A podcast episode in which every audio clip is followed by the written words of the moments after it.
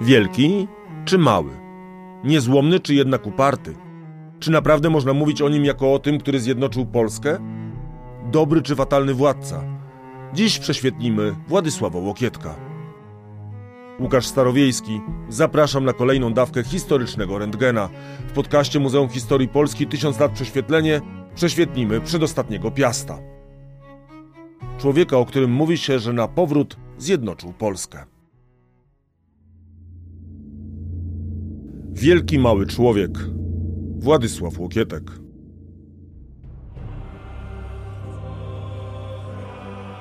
Oczy wszystkich skierowane są na tego niskiego mężczyznę. Stoi na środku katedry ubrany w purpurową pelerynę. W rękach trzyma miecz, który otrzymał od prowadzącego ceremonię biskupa. Unosi broń w górę i robi znak krzyża. Atmosfera jest podniosła. Wszyscy wiedzą, że są świadkami historycznej chwili. Już niedługo Polska znów będzie miała króla. Po latach dzień ten zostanie również uznany za oficjalny koniec rozbicia dzielnicowego. Warto dodać, że zdecydowanie na wyrost. Długą drogę przebył książę zwany Łokietkiem czy Łokciem, by doczekać tej chwili. Drogę znaczoną upokarzającymi porażkami, ucieczkami w przebraniu, wygnaniem.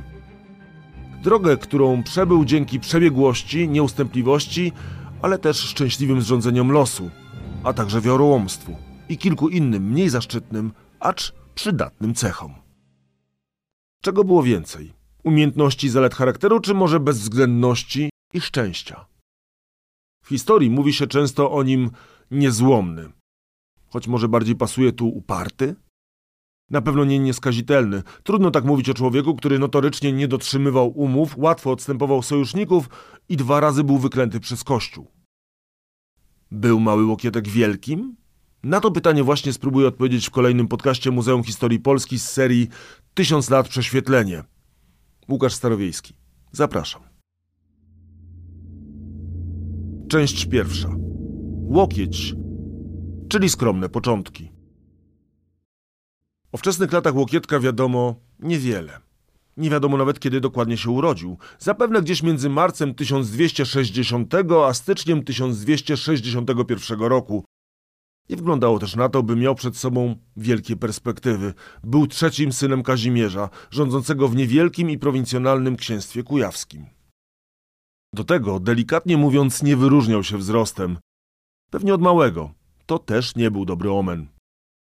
Mało pochlebnym przydomkiem Łokietek, Łoktek czy Łokciowy został obdarzony już za życia.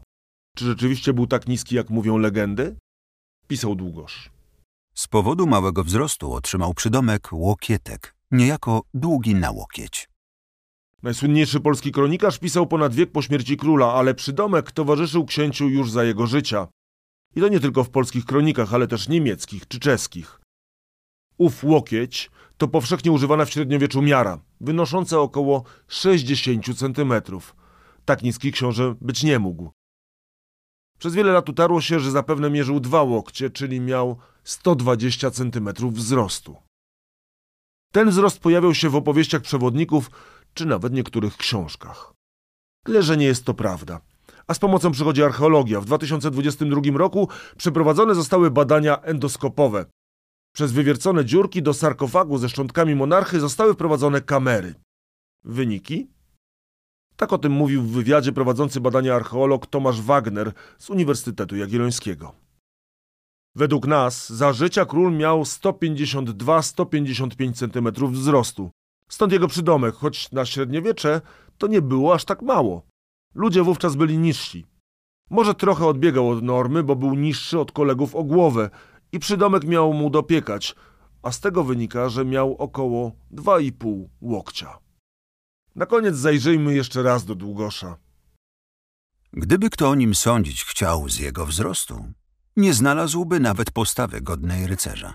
Ale ciało jego szczupłe i drobna postawa, dla której nazwano go łokietkiem, jakby łokieć ledwo trzymającym miary, uzacniała dusza wielka, nagradzając wzrost niski bohaterskimi umysł przymiotami. Gdy miał lat ledwie siedem, Władysław został półsierotą. Umarł jego ojciec, skutek czego i tak skromne księstwo zostało podzielone na części. Łokietkowi i dwóm innym jego braciom przypada południowa część Kujaw, którą zarządza ich matka. Władysław nie przebywa zresztą wówczas na Kujawach. Na życzenie władcy Małopolski Bolesława Wstydliwego przenosi się do Krakowa. Niejasne jest w jakim charakterze. Wstydliwy nie ma dzieci, może więc szuka następcy? A może potrzebuje zakładnika? O tych latach nic nie wiadomo, ale można się spodziewać, że mocno wpłynęły na naszego bohatera. Gdy wrócił na Kujawy i wraz z braćmi objął rządy w swojej dzielnicy, przyszły król Polski miał ledwie 14 bądź 15 lat. Książę zasiadł na tronie i zniknął. A przynajmniej niewiele wiadomo o jego działalności.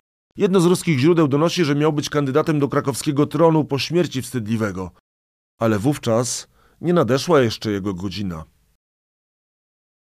Władzę w Krakowie przejął Leszek Czarny, starszy i przyrodni brat Łokietka, zresztą na mocy umowy ze Wstydliwym. Łokietek pozostaje wiernym sojusznikiem. Gdy jeden z książąt mazowieckich, Konrad II, próbuje przejąć władzę w Krakowie, organizuje wyprawę na jego ziemię i zmusza go do odwrotu. Dajmy dorosnąć Łokietkowi na peryferiach ówczesnych piastowskich Włości, by przyjrzeć się sytuacji poszatkowanego na księstwa kraju. Polska podzielona jest już od ponad 130 lat. Władztwa poszczególnych gałęzi piastów też nie są stałe. Zależą głównie od liczby potomków. Dzielnice są coraz drobniejsze, co zresztą dobrze obrazuje rodzina samego Łokietka. Jego dziad, Konrad Mazowiecki, podzielił swoje władztwo na Mazowsze i Kujawy. Ojciec podzielił ziemię kujawską. Podobnie jest w innych dzielnicach, choćby Śląsk dawno przestał już być jednością. Dzieli się też Mazowsze. Jest też jednak czynnik naturalny wzmacniający szanse na mniejsze lub większe zjednoczenie. Niepłodność powoduje, że zanikają poszczególne piastowskie gałęzie. Bolesław Wstydliwy, ślubujący wraz z żoną czystość, jest ostatnim z małopolskiego rodu. To dlatego usynawia Leszka Czarnego, który nie może mieć dzieci. Dodajmy jeszcze, że dwaj inni bohaterowie bitwy o tron krakowski, książę śląski Henryk Probus i wielkopolski Przemysł II, również nie mają męskich potomków. Część druga. Bitwa o tron, sezon pierwszy. Łokietek ma 27 lat, gdy Leszek Czarny umiera. To chwila, gdy nasz bohater na dobre opuszcza kujawski zaścianek i rzuca się we wzburzony nurt polskiej historii. Poważnych kandydatów do tronu krakowskiego jest dwóch. Stryjeczny brat Władysława, książę mazowiecki Bolesław Płocki oraz śląski Henryk Probus, któremu prawa zapisuje w spadku dotychczasowy dziedzic Krakowa.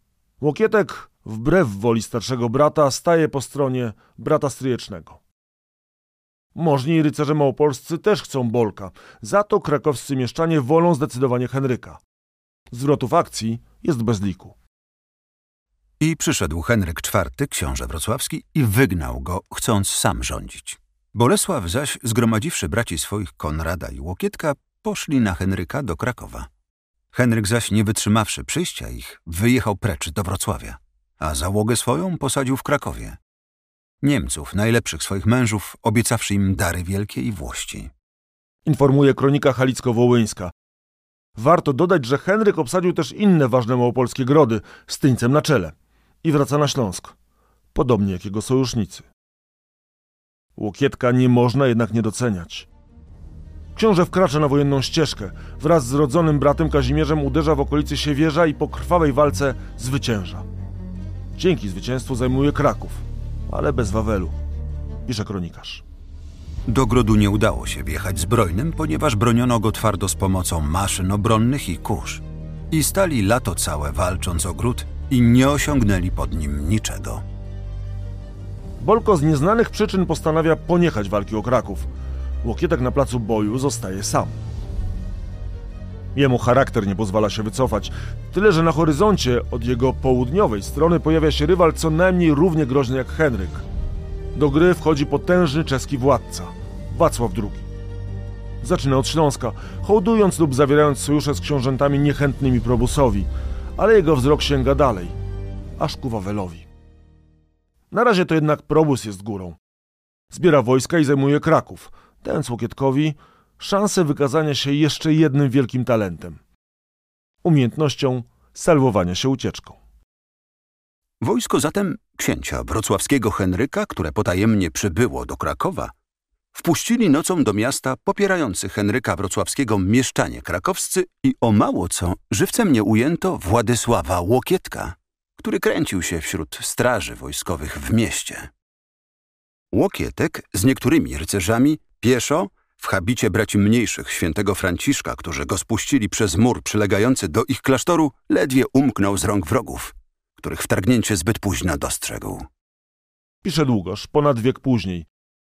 To tyle istotne, że choć ucieczka Łokietka jest pewna, to okoliczności od tego czasu mogły obrosnąć legendą. Habit i Nina są prawdopodobne, ale niepewne. Podobnie jak z pojawiającym się kilka lat później pająkiem. To być może najsławniejsza legenda związana z naszym bohaterem. Miał Łokietek, uciekając przed czeskimi wojami, zabłąkać się wśród skał w okolicach Ojcowa. By uniknąć schwytania, skrył się w jednej z jaskiń, a życie uratować miał mu pająk, który zmylił pościg, tkając w wejściu pajęczynę.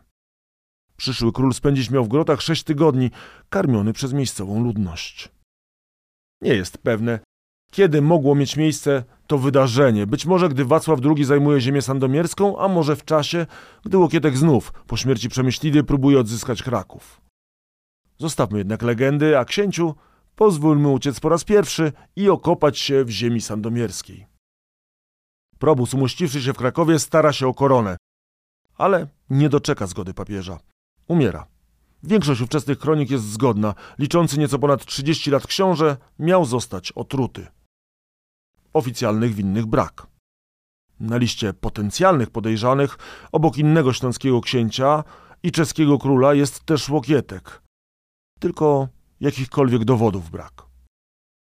Warto przy okazji zauważyć pewną prawidłowość. Wielu konkurentów Łokietka ginie w niejasnych okolicznościach, ale nici podejrzeń nigdy nie biegną w stronę urodzonego na Kujawach księcia. My spotkamy się z tą sytuacją jeszcze dwukrotnie. Śmierć Probusa niczego Łokietkowi nie daje. Kraków zajmuje na krótko przemysł drugi. Wrocław trafia do innego Henryka. Z Głogowa. Przemysł po dwóch miesiącach jednak Wawel opuszcza. Małopolskę zajmuje czeski Wacław. Część trzecia. Upadek. Łokietek zepchnięty jest do rozpaczliwej defensywy. Traci kolejno Sandomierz i Sierac. Na koniec wraz z bratem Kazimierzem dostaje się do niewoli. Władca zmusza ich do złożenia hołdu lennego i zrzeczenia się pretensji do Małopolski. I wypuszcza braci. Czuł się tak pewnie Wacław, czy jeszcze nie poznał się na niepozornym księciu? Łokietkowi zapewne nie w głowie, by to rozsądzać. On sprawdza się w działaniu. Minęły zaledwie trzy miesiące, a już kujawscy bracia zwąchali się z przemysłem. Wielka w tym zasługa Jakuba Świnki, arcybiskupa gnieźnieńskiego, wielkiego orędownika Zjednoczenia Polski. Tajna umowa zobowiązywała książąt do wspierania się w walce o odzyskanie Krakowa. Pakt wsparty został być może układem na przeżycie. A później? Koło historii jeszcze przyspieszyło. W kolejnym roku w walce z Litwinami ginie brat Łokietka Kazimierz. W następnym, 1295, dochodzi do aktu, który mógłby być przełomowy w historii Polski. Przemysł II koronuje się za zgodą papieża na króla Polski. Pierwszego od ponad 200 lat. Chwilę chciałoby się rzucić. Niestety. Przemysł koroną długo się nie nacieszył. Zostaje zamordowany z inspiracji margrabiów brandenburskich, choć tu też prawdziwe motywy nie są do końca jasne. Łokietka znów nikt nie podejrzewa, choć to on korzysta najbardziej. Umarł król, niech żyje. No właśnie, kto? Scheda po przemyśle jest całkiem potężna. Składają się na nią Wielkopolska i Pomorze Gdańskie. Konkurentów jest dwóch: Henryk z Głogowa, a także oczywiście Łokietek. Książęta postanawiają podzielić się dzielnicą. Skąd uległość kujawskiego księcia? Zapewne taktyka. Łokietek musi uporządkować sprawy na Pomorzu. Potem znów może zacząć jątrzyć. Przywykliśmy już do tego, że kujawski książę nie przywiązuje wagi do danego słowa. Traktatu z Głogowczykiem też nie zamierza respektować. Najeżdża na Śląsk. Tyle, że trafia kosa na kamień. Henryk odpowiada w dwójnasób. Wyprawa odwetowa doprowadza nawet do złupienia Poznania. Łokietek fatalnie też rządzi. Na traktach mnożą się rozboje i bezprawie. Możni mają go dość. Książę Kujawski opinię ma z szarganą. Zaznaczył początek swego panowania niegodziwymi nadużyciami. Uciskał kościoły Boże i jego sługi przez postoje, stacje i świadczenia pieniężne, bezcześcił niewiasty i szlachetnie urodzone dziewczęta. Pisał Długosz. Możni podnoszą bunt. Chcą zaprosić Głogowczyka. Ten trzeci, Wacław, tylko czeka na taką okazję. Nie tyle przystąpił do gry o Wielkopolskę, co po prostu wywrócił stolik. Zajął dzielnicę, a do tego ożenił się z jedyną córką dopiero co zamordowanego króla Przemysła II. Łokietek znalazł się w potrzasku. Rok ten pamiętany był koronacją króla Wacława na Królestwo Polskie, wygnaniem księcia Władysława Łokietka i ciągłą przy ulewnych deszczach i słotach niepogodą. Piszek Długosz o roku 1300. Metropolita Jakub Świnka nie był zachwycony koronacją Czecha, a tym bardziej cudzoziemskim otoczeniem Wacława. Ogłoszącym homilię w czasie koronacji biskupie Janie z Brixen powiedział zaś Ten miałby doskonałe kazanie, gdyby nie był psią głową i Niemcem. Tymczasem dla Łokietka Polska staje się za ciasna. Mogłoby się wydawać, że historia księcia właśnie dobiegła końca. Tyle, że Łokietek w ten sposób tej historii kończyć nie zamierzał. Władysław pozostawia w kraju żonę z dziećmi. Jadwiga ponoć ukrywa się w przebraniu mieszczki w kujawskim Radziejowie. Sam rusza w wielką podróż. Jego wygnanie długoż opisuje literacko. Ponoć przyszły król, Nauczył się nie ufać, a do tego znosić zarówno mrozy, jak i upały, deszcze, słoneczną spiekotę, odpoczywać na ziemi, wytrzymywać głód oraz każdy trud i biedę, spędzać noce na błotach, także w gęstych lasach i na bezdrożach, rzadko pod dachem. W przebraniu zwykłego człowieka schronił się w nieznanym, ukrytym w gęstwinie leśnej miejscu. Nie ma co w tej historii doszukiwać się twardych faktów.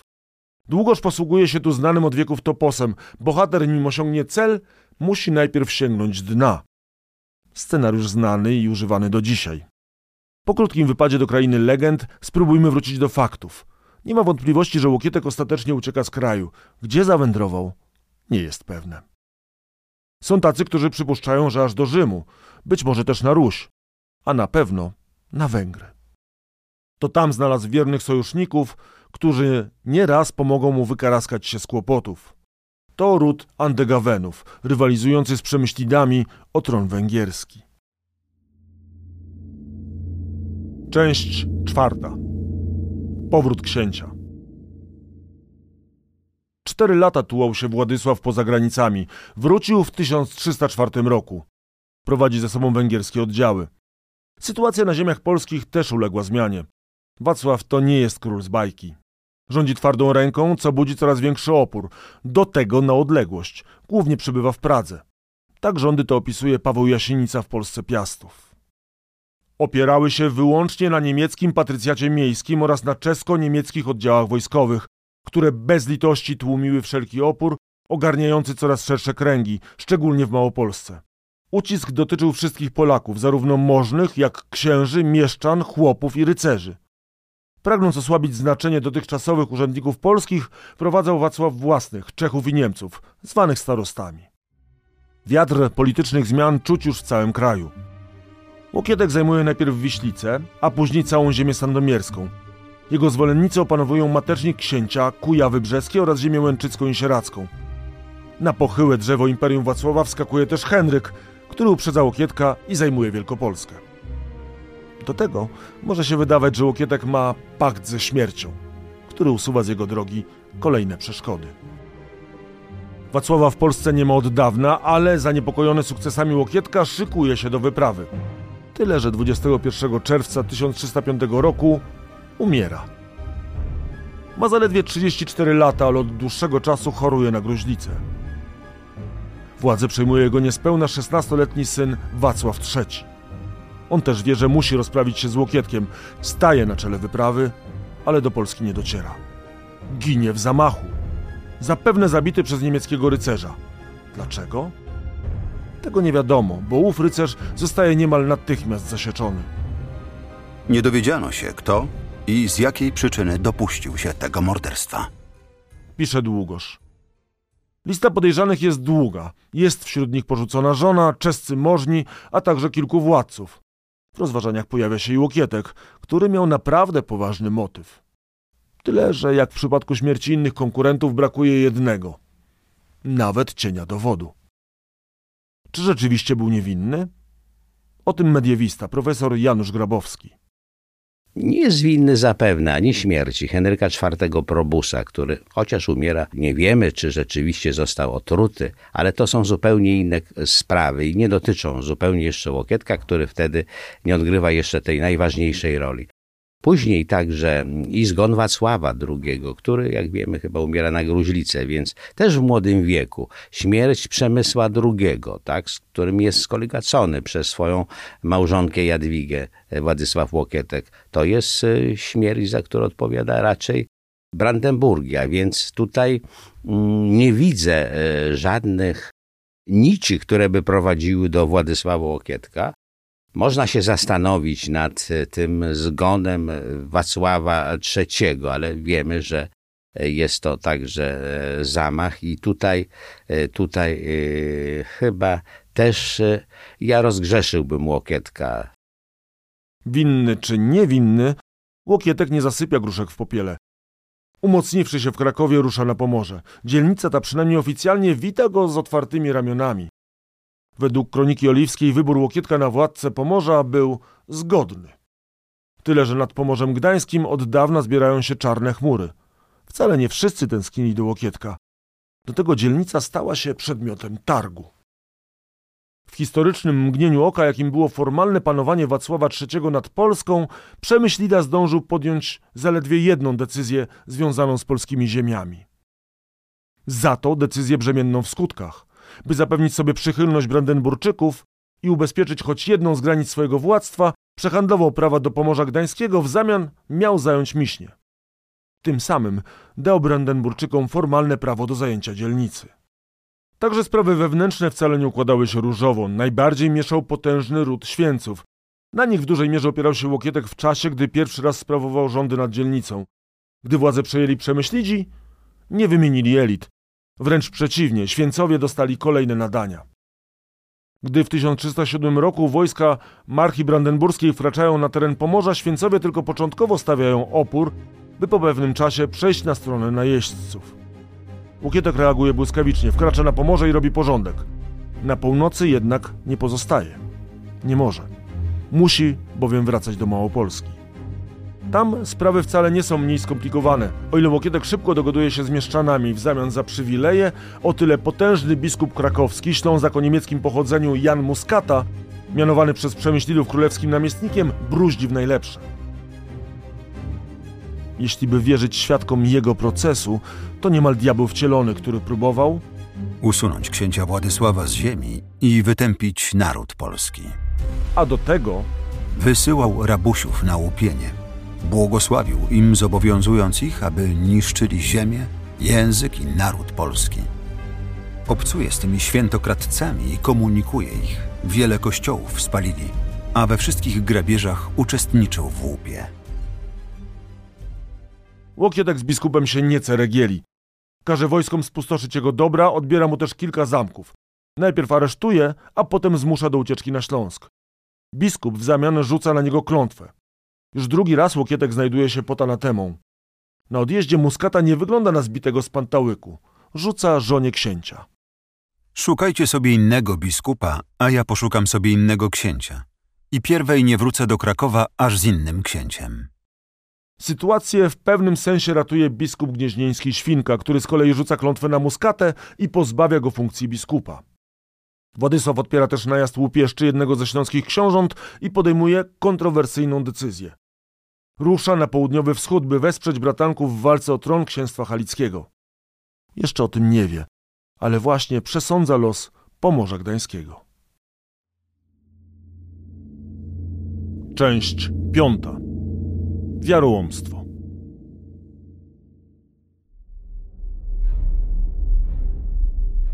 Rok 1308.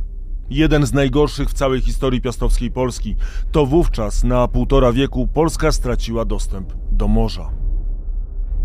Brandenburczycy nie zamierzali rezygnować.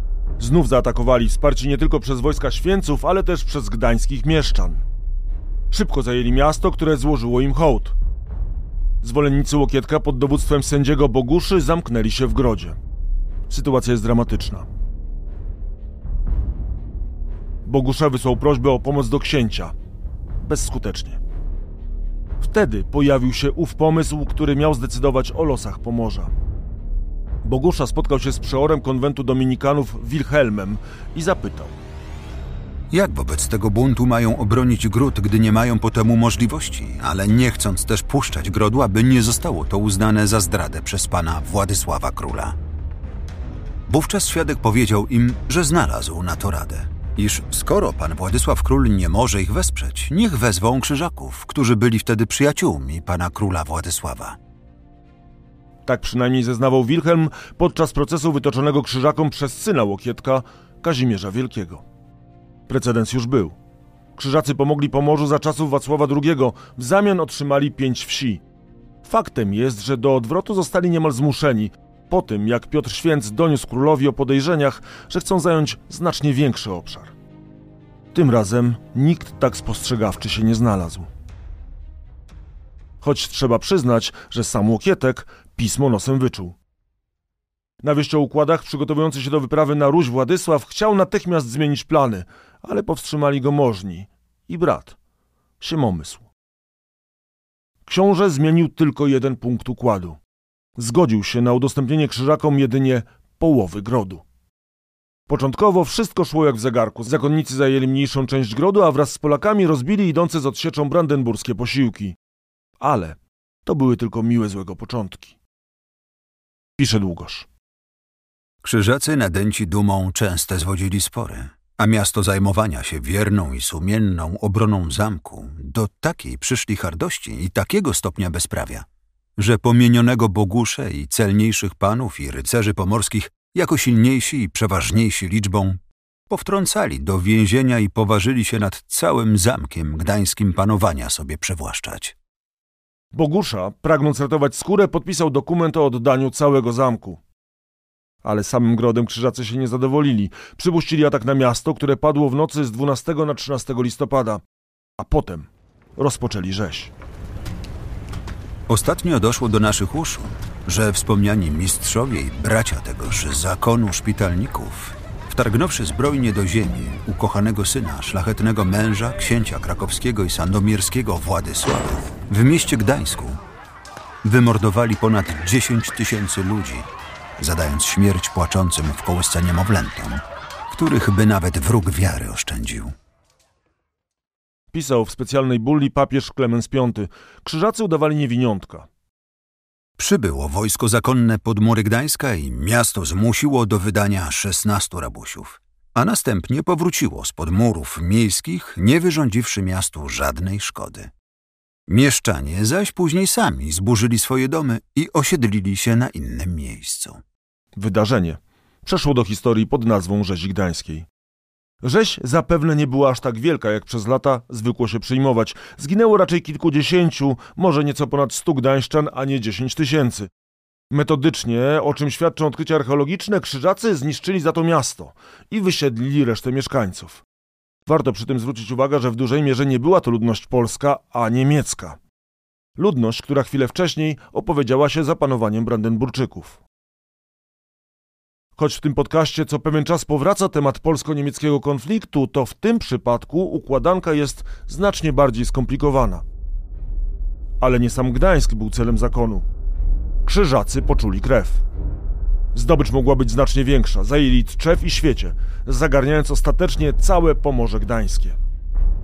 Łokietek liczył jeszcze, że zakonnicy zgodnie z układem za opłatę ustąpią, ale krzyżacy stawiali zaporowe warunki, negocjując jednocześnie z Brandenburczykami – Ci oddali swoje prawa do Pomorza za 10 tysięcy grzywien. Czy doprowadzenie do utraty Pomorza to największy błąd Łokietka? O tym profesor Janusz Grabowski. To nie był także błąd Łokietka. Ja tu nie występuję w charakterze obrońcy króla Władysława Łokietka. Chodzi o to, że w roku 1308 i tak Pomorze Gdańskie albo wpadłoby w ręce Brandenburgii, albo zakonu krzyżackiego nie było to chyba możliwe, żeby jednak zachować Pomorze Gdańskie. Dlaczego? Otóż Zakon Krzyżacki w tym czasie planował przeniesienie chyba swojej stolicy właśnie do Malborka. Gdyby nawet Łokietek nie zwrócił się o pomoc, to myślę, że by mogli się mieszczanie zwrócić niemieccy o pomoc do zakonu krzyżackiego. Każdy pretekst był możliwy. Widać po akcji zakonu krzyżackiego, że byli świetnie przygotowani. Zarazem i mistrz krajowy pruski, i mm, komtur hełmiński, y, którzy przygotowali bardzo sprawnie tę ekspedycję zbrojną na Pomorze Gdańskie i później oczywiście usunęli także polską załogę i dopuścili się e, tak zwanej rzezi gdańskiej. E, nie udałoby się utrzymać Pomorza Gdańskiego, gdyby nawet Łokietek wyruszył z całą swoją siłą zbrojną i próbował pokonać Krzyżaków. Wiemy, że to się do końca, do 1932 roku nie udawało Łokietkowi, prócz tego epizodu tej bitwy pod Radziejowem i Płowcami. Gdyby nawet Łokietek nie zwrócił się o pomoc, Krzyżacy sami by udzielili tej pomocy, dlatego że czekali tylko na najmniejszy pretekst. Część szósta. Soczewica, koło, miele młyn. Można by powiedzieć, że to zaczyna być nudne. Ledwie się Łokietek jakoś urządzi, a wszystko zaczyna się rozpadać. Teraz jest podobnie. Po utracie Pomorza państwo Łokietka skurczyło się właściwie do Małopolski, ziemi sandomierskiej i kilku pomniejszych ziem na Kujawach. A na horyzoncie pojawia się rywal, który musi budzić przyspieszony puls. To Jan Luksemburski, syn cesarza Niemiec, a od niedawna król Czech. Już używa tytułu króla Polski i chce Krakowa co w mieście odbija się głośnym echem. Sytuacja w Krakowie jest podobna do tej z Gdańska. Większość bogatych mieszczan jest pochodzenia niemieckiego i niechętna władzy piastów. Kalkulują krakowianie ekonomicznie. Opłaca im się bardziej związać z Pragą czy z książętami śląskimi niż z kadłubowym państewkiem Władysława. Choć próbował ich zjednać książę, wciąż narzekają na wysokie daniny i spiskują przeciwko władcy. Starcie żywiołów polskiego i niemieckiego. Tak często opisuje się te wydarzenia. Czy rzeczywiście tak było? Soczewica, koło, miele młyn. Tak według jednego ze źródeł egzaminowani byli krakowscy mieszczanie latem 1312 roku. Ci, którzy słów tych poprawnie wymówić nie umieli, mogli być skazani na dotkliwe kary. Test miał oddzielić polskich i niemieckich mieszkańców miasta, a w domyśle oddzielić winnych od niewinnych buntu przeciw władcy. Test to zapewne legenda, ale Łokietek tym razem miał rzeczywiście być surowy, a nawet okrutny. Winnych poddawano torturom, ciągnięto ich po ulicach za końmi. W Krakowie pojawiły się szubienice. Rebelia wybuchła w 1311 roku i przeszła do historii pod nazwą buntu wójta Alberta. Wątek narodowy podkreślają wszystkie współczesne i nieco późniejsze kroniki.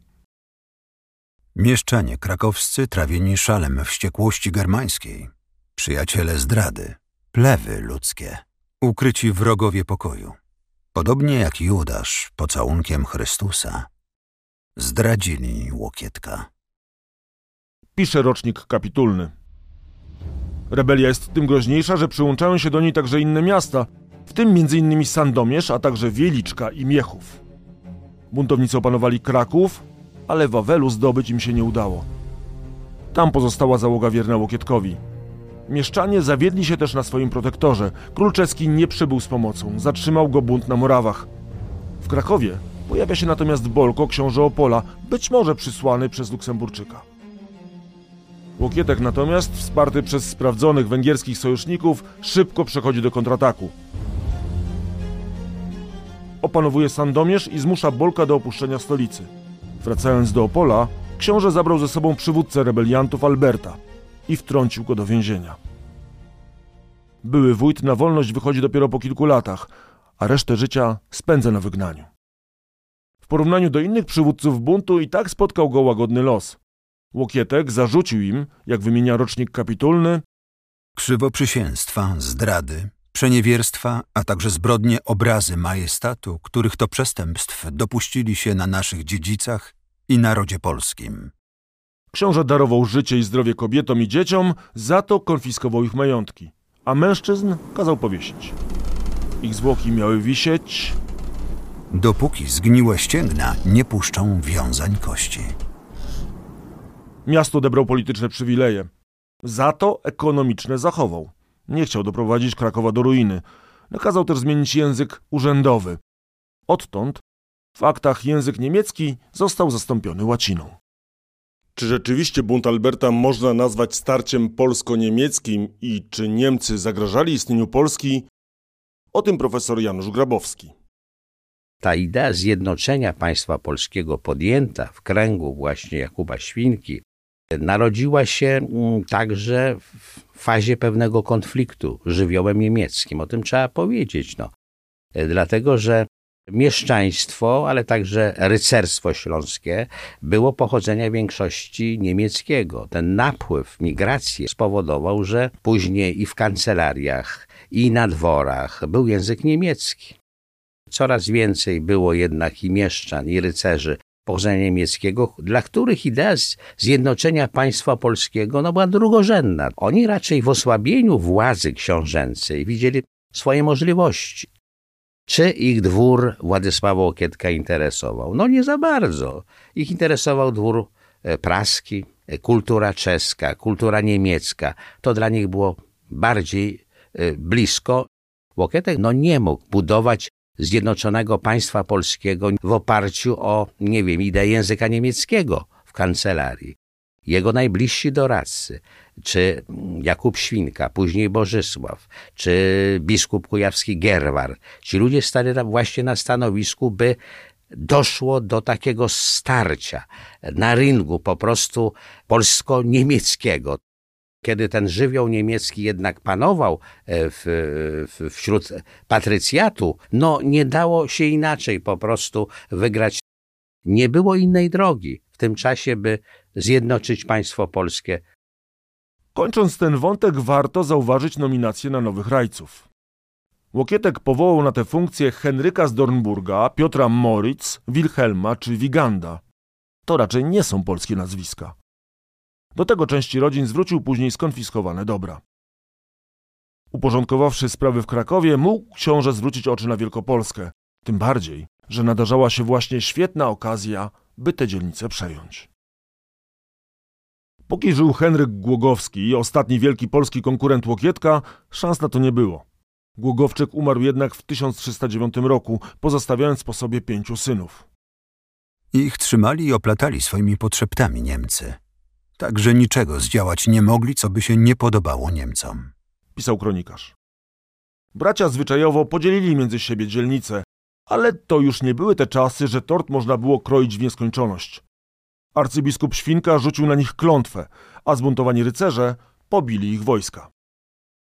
Łokietek na wydarzenia te bezczynnie nie patrzył, zajął Poznań i tym samym przyłączył Wielkopolskę do swojej domeny. Był rok 1314. To chwila, gdy Łokietek nie ma już wewnętrznych konkurentów.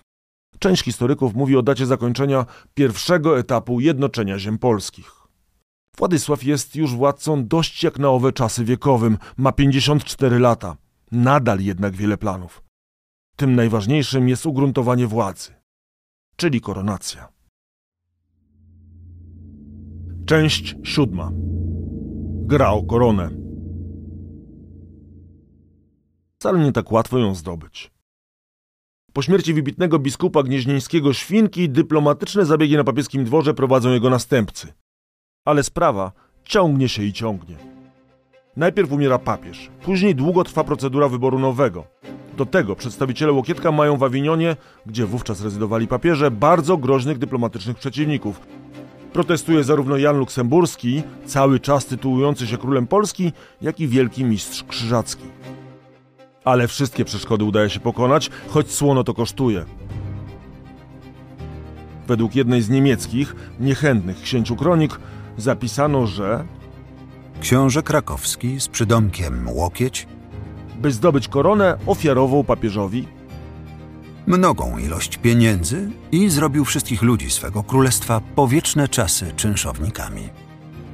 Łokietek zgadza się na znaczne zwiększenie świętopietrza, czyli podatku na rzecz stolicy apostolskiej. Ma płacić teraz denara od głowy, a nie jak wcześniej trzy denary od rodziny. Wreszcie w 1317 roku papież daje zielone światło. Żądając w zamian uznania zwierzchności papiestwa nad Polską i walki z herezjami. Do tego nakazuje pogodzenie się króla z wieloletnim wrogiem, biskupem Muskatą. Na Łokietku cały czas ciąży bowiem klątwa rzucona przez wygnanego krakowskiego biskupa. Książę doprowadza do ugody z Muskatą, który zdejmuje z niego klątwę i może wrócić do Małopolski. Papież odpowiada w roku kolejnym, osiągając przy tym absolutne szczyty dyplomacji. My zatem, chcąc każdego przy prawach mu służących zostawić, osądziliśmy wstrzymać się z wyrokiem takowego przyznania, przez co atoli nie myślimy bynajmniej przesądzać prawa należącego wam i innym proszącym, którego wolno wam będzie używać jak i kiedykolwiek zechcecie, bez ujmy i ubliżenia prawu cudzemu. Jest więc zgoda, czy jej nie ma? Papież lawiruje, bo nie chce popaść w otwarty konflikt z Janem Luksemburskim i Krzyżakami. Wysłannik księcia, biskup Gerward, poza listem oficjalnym przywozi też dwa tajne. Łokietek odczytuje wiadomość jednoznacznie. Co nie jest zakazane, jest dozwolone. Można już szykować koronę. Potrzebna była nowa, bo stare insygnia, onegdaj wywiezione z Krakowa przez Przemysła, przejął Wacław i wywiózł do Pragi, a tam zaginęły. 20 stycznia 1320 roku. To data symbol, data graniczna, a dla Władysława dzień największego triumfu. Posłuchajmy Długosza. Kiedy więc nadeszła niedziela, wszystkie stany i warstwy, prałaci i panowie polscy udali się do Krakowa. Arcybiskup gnieźnieński Anisław w czasie uroczystej mszy o Duchu Świętym namaszcza księcia Władysława Łokietka na króla, zaś jego żonę Jadwigę, córkę księcia poznańskiego Bolesława, na królową. Koronuje ich koronami królewskimi, które z jabłkiem, berłem i innymi insygniami królewskimi. To pierwsza koronacja w katedrze na Wawelu, odtąd staje się to tradycją, którą łamie dopiero ostatni król Polski Stanisław August, zakładając koronę w Warszawie. Nie jest pewne, jak długo Łokietek celebrował chwilę chwały. Długoż pisze o zaledwie jednym dniu. Nazajutrz zaś po koronacji król Władysław, przybrany w królewski strój, objechawszy najpierw miasto, wjechał wraz z prałatami i baronami do Krakowa na tron przygotowany dla siebie, gdzie od mieszczan krakowskich odebrał hołd i przysięgę wierności. Na świętowanie król zresztą nie miał czasu. Już w kwietniu ruszył proces o zwrot Pomorza. Polscy dyplomaci w Awinionie zabiegali bowiem nie tylko o koronę. Starali się też o zgodę papieża na rozsądzenie, do kogo Pomorze Gdańskie ma należeć.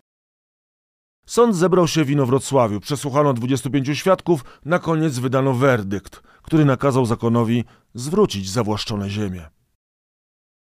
Werdykt miał znaczenie wyłącznie propagandowe. Krzyżacy tylko wzruszyli okrytymi żelazem ramionami, a do papieża złożyli apelację co do miejsca procesu i sędziów. A pozycję swoją wzmocnili, zawierając przymierza z książętami mazowieckimi. Wiekowy już król do końca musi walczyć o swoje. Oto bowiem w 1327 roku dochodzi do sojuszu śmiertelnie niebezpiecznego Krzyżaków z królem Czech. Na północy trwa wojna z zakonem, od południa pod Kraków podchodzi Luksemburczyk. Czeski władca zagrożony przez Węgrów ostatecznie zawraca. Po drodze jednak hołduje wiele drobnych księstw śląskich: Cieszyn, Bytom, Opole czy Racibórz. Dwa lata później to samo robią kolejni książęta, a w 1331 roku władca Wrocławia zapisuje Janowi swoje księstwo w testamencie.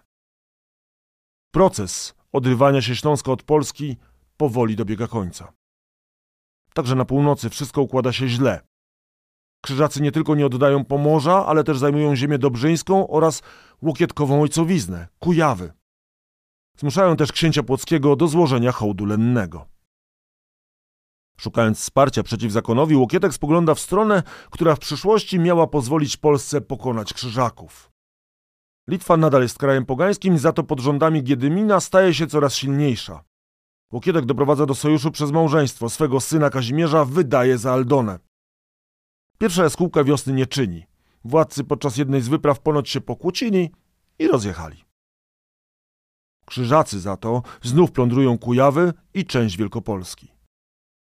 A w 1331 roku ponownie planują wspólny atak z Luksemburczykiem. Król czeski zajęty sprawami na Śląsku znów się spóźnia. Zakonnicy w tej sytuacji ponownie uderzają na Kujawy. Łokietek postanawia działać. 27 września 1331 roku dochodzi do bitwy, która w polskiej historii stała się mitem. Bitwy pod Płowcami. Do pierwszego starcia dochodzi w okolicach Radziejowa. Jest ranek, wszystko skryte jest w mgle. Rycerze słyszeli się, ale nie mogli się zobaczyć. relacjonuje niemiecki kronikarz. Polacy korzystają z zaskoczenia i rozbijają mniejszą z dwóch grup krzyżackiej armii. Do niewoli dostaje się nawet marszałek zakonu.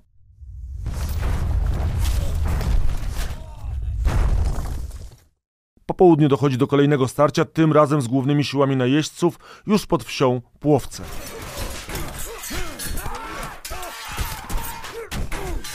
Ciężkie i chaotyczne boje trwają do wieczora. W pewnym momencie robi się tak gorąco, że Łokietek każe uchodzić z pola bitwy swojemu synowi Kazimierzowi. A później, korzystając z zapadających ciemności, nakazuje odtrąbić odwrót. Kto wygrał? Zależy kto mówił. Kupy kości ludzkich ogromne, które po dziś dzień jeszcze pod płowcami widzieć się dają, świadczą o wielkości tej klęski. Tę bitwę, tak wielką i sławną, kronikarze polscy, jak wszystkie niemal inne, w krótkich opisach potomności podali. Więcej jak 40 tysięcy nieprzyjaciół zginęło, powiadają, w tej przygodzie. Z Polaków tylko 500. Pisał Długosz. Kronikarz Oliwski zaś odnotowuje. Król ze swym wojskiem uciekł, a podczas tej ucieczki wielu tak konnych, jak i pieszych zostało zabitych.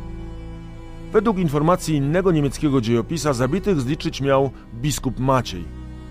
Naliczył 4187 ciał, jak przyznał, w większości krzyżackich. Skoro nie można się doczytać, kto wygrał, przyjrzyjmy się faktom. Choć to Łokietek pierwszy podał tyły, krzyżacy nie palili się do dalszej wyprawy. Pod osłoną ciemności wycofali się do Torunia i do tego pozostawili zabitych na polu walki. Bitwa uniemożliwiła też połączenie się sił zakonu z Luksemburczykiem. Czyli jednak Łokietek? Król odbył uroczysty wjazd do Krakowa z czterdziestoma krzyżackimi jeńcami. Jeśli jednak zakon przegrał tę bitwę, to wojnę wygrał. Rok później krzyżacy zajęli zarówno Kujawę, jak i ziemię dobrzyńską. Stary wojownik znów rusza w pole. Tym razem jednak z krzyżakami walki nie podejmuje. Zawiera rozejm, uznając chwilowo stan faktyczny. Jesienią sędziwy władca rusza na swoją ostatnią wyprawę. Chce odebrać książętom śląskim resztki terenów Wielkopolski. Później poważnie zapada na zdrowiu. Być może powalił go wylew, którego konsekwencją był częściowy paraliż ciała i kłopoty z mówieniem.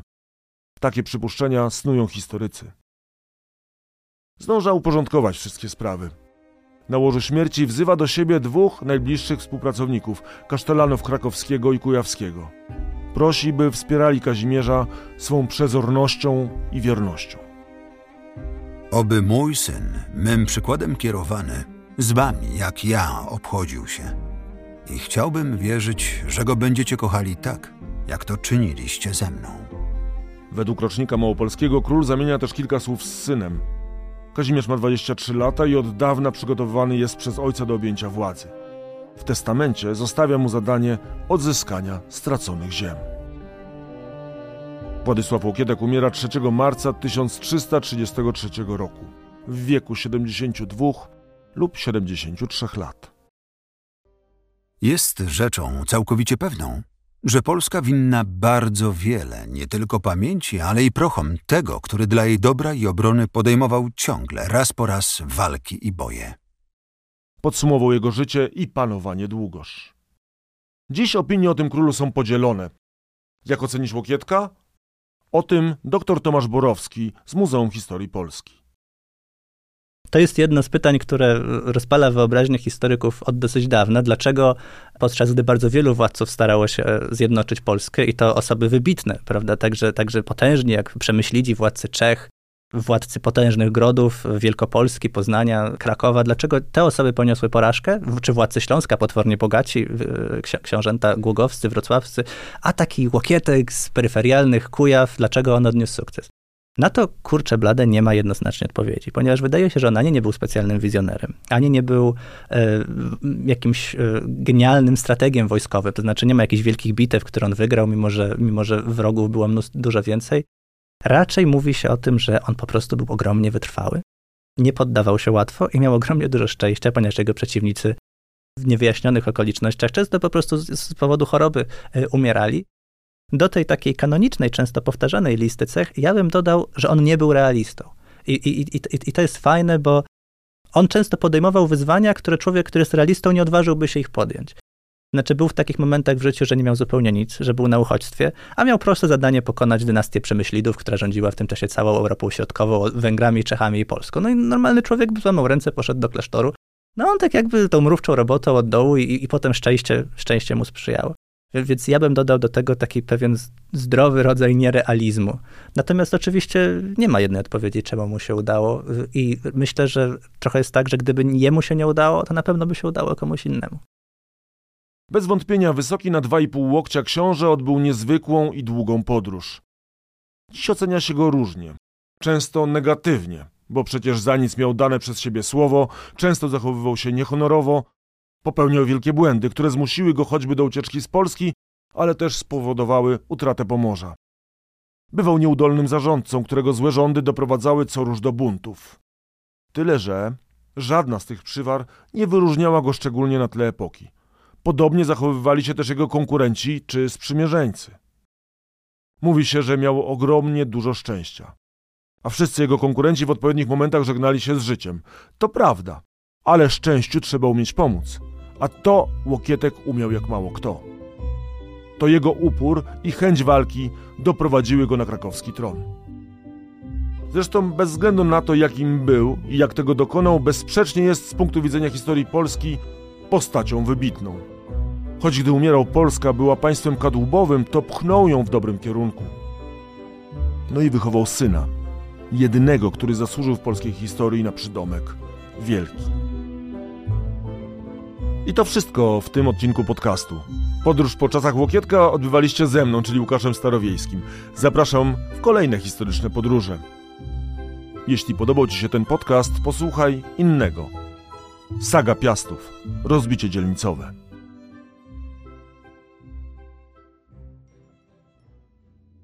Tysiąc lat. Prześwietlenie. Podcast Muzeum Historii Polski o najważniejszych wydarzeniach w historii Polski. Podcastów Tysiąc lat prześwietlenie wysłuchasz na YouTube, Spotify, Google Podcast, Audiotece, a także na innych platformach podcastowych. Chcesz być na bieżąco? Subskrybuj kanał Muzeum Historii Polski.